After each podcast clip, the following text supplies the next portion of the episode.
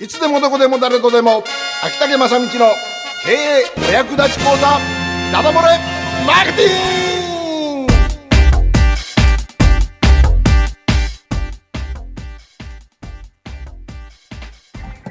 さあ時刻の方は6時を回りまして、えー、外で一服しておりました。大統領も戻ってまいりました。はい。もうこのコーナーというかええ。もうですね13回シリーズで今日卒業式。行ってきました。ええ。もう卒業式。はい。最終回で。もシーズン1でしょ？うんまああのーこれ今話をしながら、ええ。これからの ことは考えます。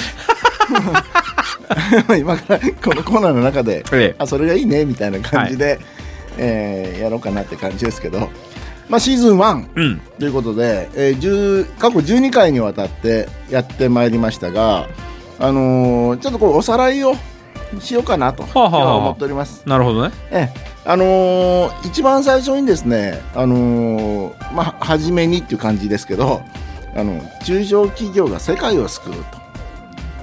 中小企業がですすね。ねえーそういう話をしまして実はこういう話を、えーこれから12回にわたってやりますよっていう話13回にわたってしますよっていう最初あの、まあ、プロローグですかねはい。みたいな話をしました。で2回目にこれが第1回になるんですけど、うんうん。あの要は、えー第1章になるわけですけどミッションを掲げましょう。でに、えー第2章が、えーデザインとブランディング、うん。第3章が USP 独自の売りを作りましょう第4つ目が、えー明日から使えるネーミング。うんネーミングを考えましょう、そして、え5回目にさあマスコミリリースだ。はいうん。そしてマスコミに出ましたらとにかくセップあ、えートップセールス。えこれが6回目ですね。それから、えー第7回目で、えー名簿を作りましょう。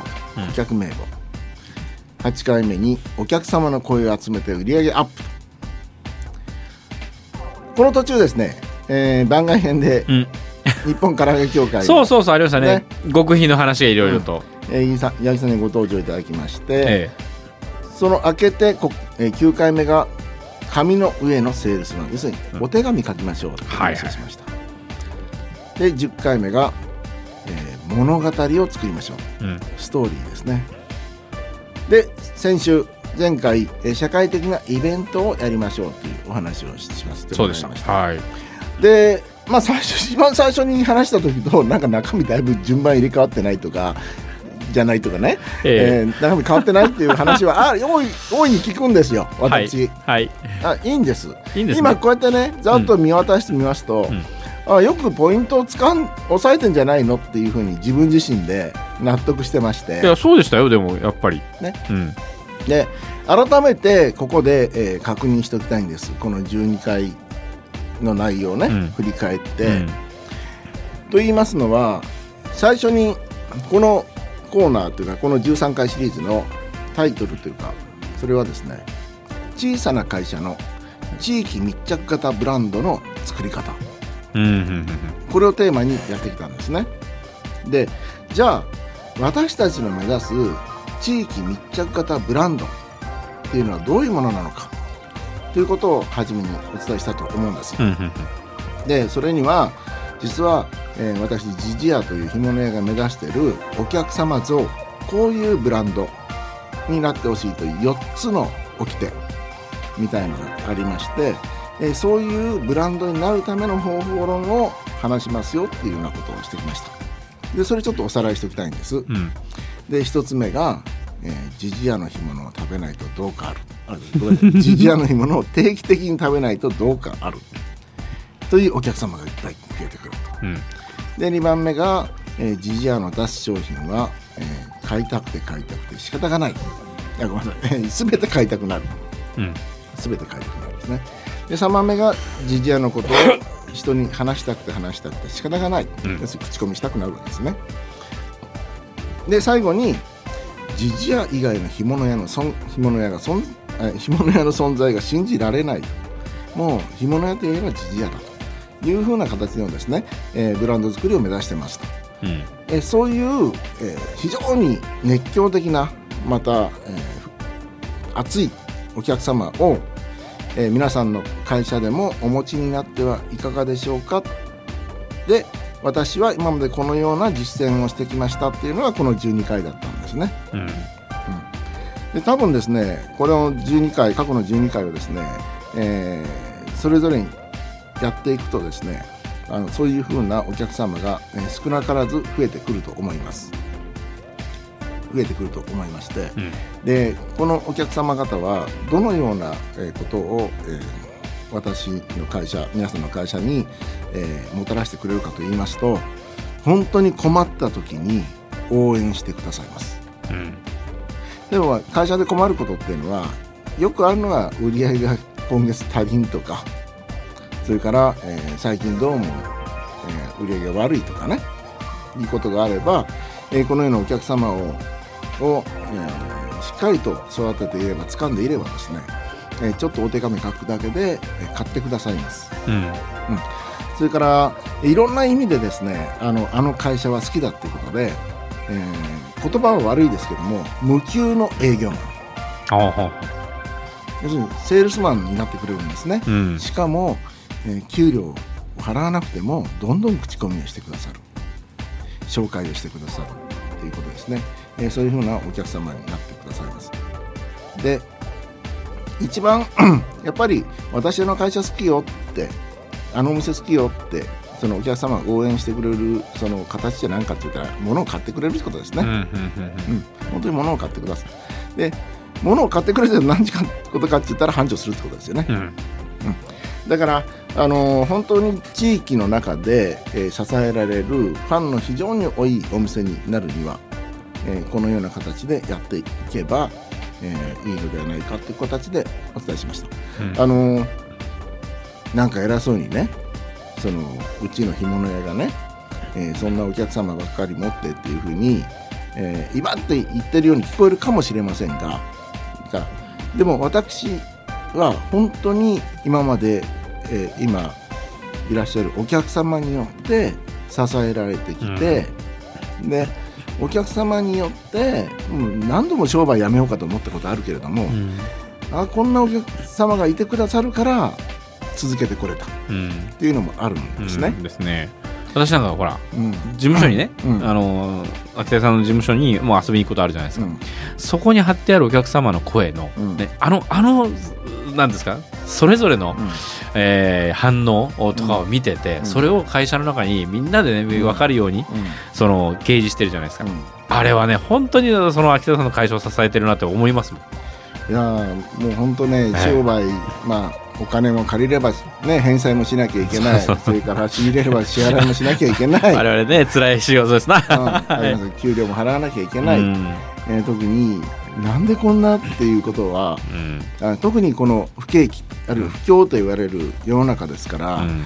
えー商店街の中でやってる方がやっておられる方々あるいはまた商店街に属さなくても、うん。えーいろんな形で商売やってる方々も辛い時あると思うんですよ、でもたった一人のお客様の声によって存在によっていややっぱりファンがいるんだから支えてくれてるんだから、えーもうちょっと頑張ってみようと。まだ神様はまだ商売やっていいよと言ってくれてるんだと。いう、そういうふうなですね、えー力強いこう勇気を与えてくれる、えーそういうのが本当にお客様だと思うんですね。だからほん多くのファンに囲まれてしかも目に見える地元という範囲の中でその地域という町の中で、えーですね、あの人は商売上手だからとかあの人ばっかり儲かってからとかそんなんじゃなくてですね、うん。お互いに支え合って商売を喜んでもらえてでファンになって支えてもらえるような、えーそういう関係性のですね、えー作れる方法というのがないのかということで、まあ、そういうことを目指してやってきたわけじゃないんだけれども今実際やってきたことを考えると、えーそういう人たちが、えーお客様が増えてるということですので、ぜひやってみてはどうでしょうかということなんですね。でおかげさまで私がいろんな勉強会でお付き合いさせてもらってる方々もう非常にあのお客様とのいい関係性を保ちながら、えー商売をしている方が全国的に多いです。そしてまたその方々があのまずお客様は敵じゃない、うん。お客様っていうのは値切ってくるとか無理難題を押し付けてくるとか、えーそういうですね存在じゃなくて一緒になって取り組んでいけるし、うん。何かお願い事また自分の夢があった時に応援してくれる人たちなんだっていうことで、えーそういう商売のいい関係性の中でのやり方を身につけた方々全国でですねあの震災以後のうん。3.11去年の震災以後のボランティア活動あるいは社会的事業とか、えーコミュニティビジネスソーシャルビジネスっうん。ていうのをこのやり方で、えーどんどん起こしていってまたこう社会貢献をしてるっていう現実もありますんでね。だからまずは自分の地域の中でしっかりとした、えーお客様との関係性を作って本当にファンになってもらって、うん。えーそれを、えー商売を通じてまた社会に貢献していくというふうな形にしてもらえるとねいいと思うんです。うん。でいろんなボランティアとか社会のための活動っていうのはありますけれどもやっぱ皆さん志は高いですね。志は高い。もちろん志は高くないとそういうこともしないでしょうが、うん。でも志だけではやっていけない。だから本当に基礎の基礎、えーやるべきことマーケティングですね、えー集客であったり応援者を集める資金を集める広報する、えーこの辺りのですね、えーことをこの12回にわたってお伝えした中に、うん。ほぼ私はやってきたことを網羅したつもりなんですね。で本当にやろうと思えばもっともっと勉強してですね、えー具体的なやり方とか、えーそれから、えーテクニックであったりそれからフォーマットうん。1枚の紙の書き方とかですね、えー学ばないといけないと思いますけどもだけどこの12回で言ってることををですねお伝えしたことをぜひあのーどれか一つ自分でやってないことがあれば取り組んでいただいて多分ひとその一つの事柄過去12回の中の一つの事柄がですね、えー秀でた成果を上げれるぐらいまでスキルアップしてくればですね、うん他のことがすごくやれあのやりやすくなると思うし、えー自然と力がついてくると思うんですね。で気づけばたくさんの、えーとっても嬉しいお客様に囲まれてる自分っていうのに、えー形になると思います。あとですね、あの今やっぱ不況とかですね、あの不景気とか、まあ、デフレだとかいろんな形で物が売れないっていう時代だと思いますしでやはり営業というのに一番お金のかかる時代だと思うんですね。でこういう時にやっぱ大切なのは営業部門のコスト削減要はコストを削減っていうより効果的にお客様が集められるともっとお金を実は営業コストかけれるんですよね。そうですね。えで結果が見えないからあの無尽蔵にドブにしてるようにお金をかけちゃうわけですよね。だから1枚のチラシがどれだけ効果があったのか。要するに1人のお客様に対していくら集客にかかってるのか。ここをまず確認していただいてでそれがどんどんコストダウンができるようになれば逆にそれを大量にまけば大量に、えーこちらが仕掛けていけばお客様増えることになりますので数字に基づいた形でですねこの仕組みを作っていってもらいたいと思います。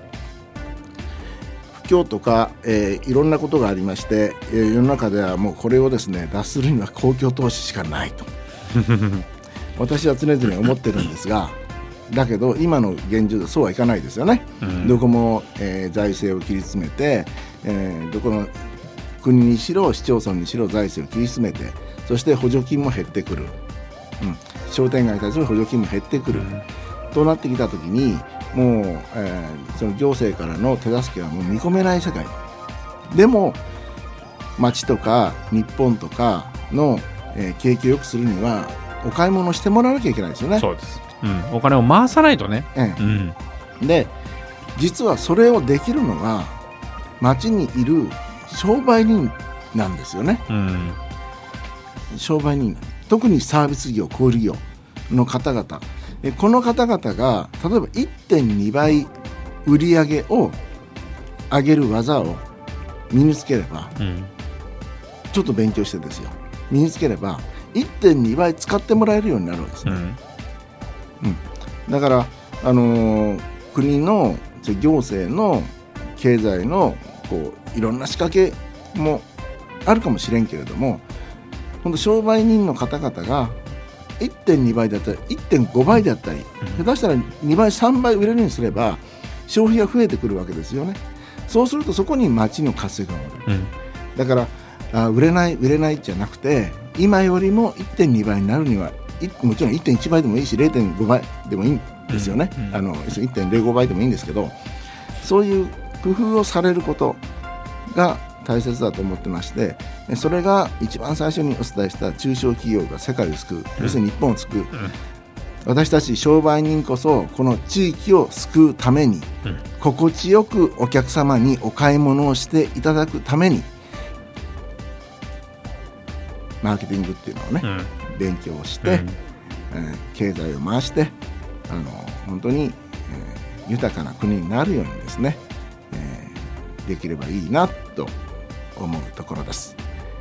という意味合いを、えー含めまして、えー非常に、まあ、手前味噌な話ではあった12回でありこの13回でありますけれども、でこの中で、えービビッとくるものがあればですねぜひとも、えー実践していただきたい。うんで実践していただけると、えー何らかの、えー効果があると思うことばかりですし、えー多くの実践者たちが全国にいますので、えーそしてまた、えー、Facebook であったりいろんな勉強会であったりで、えーそのあたり、えーどうやればいいのかってことを私に質問でもいいですし皆さん勉強仲間で話をされてもいいと思いますので、うん。ぜひぜひ取り組んでみてもらいたいと思います。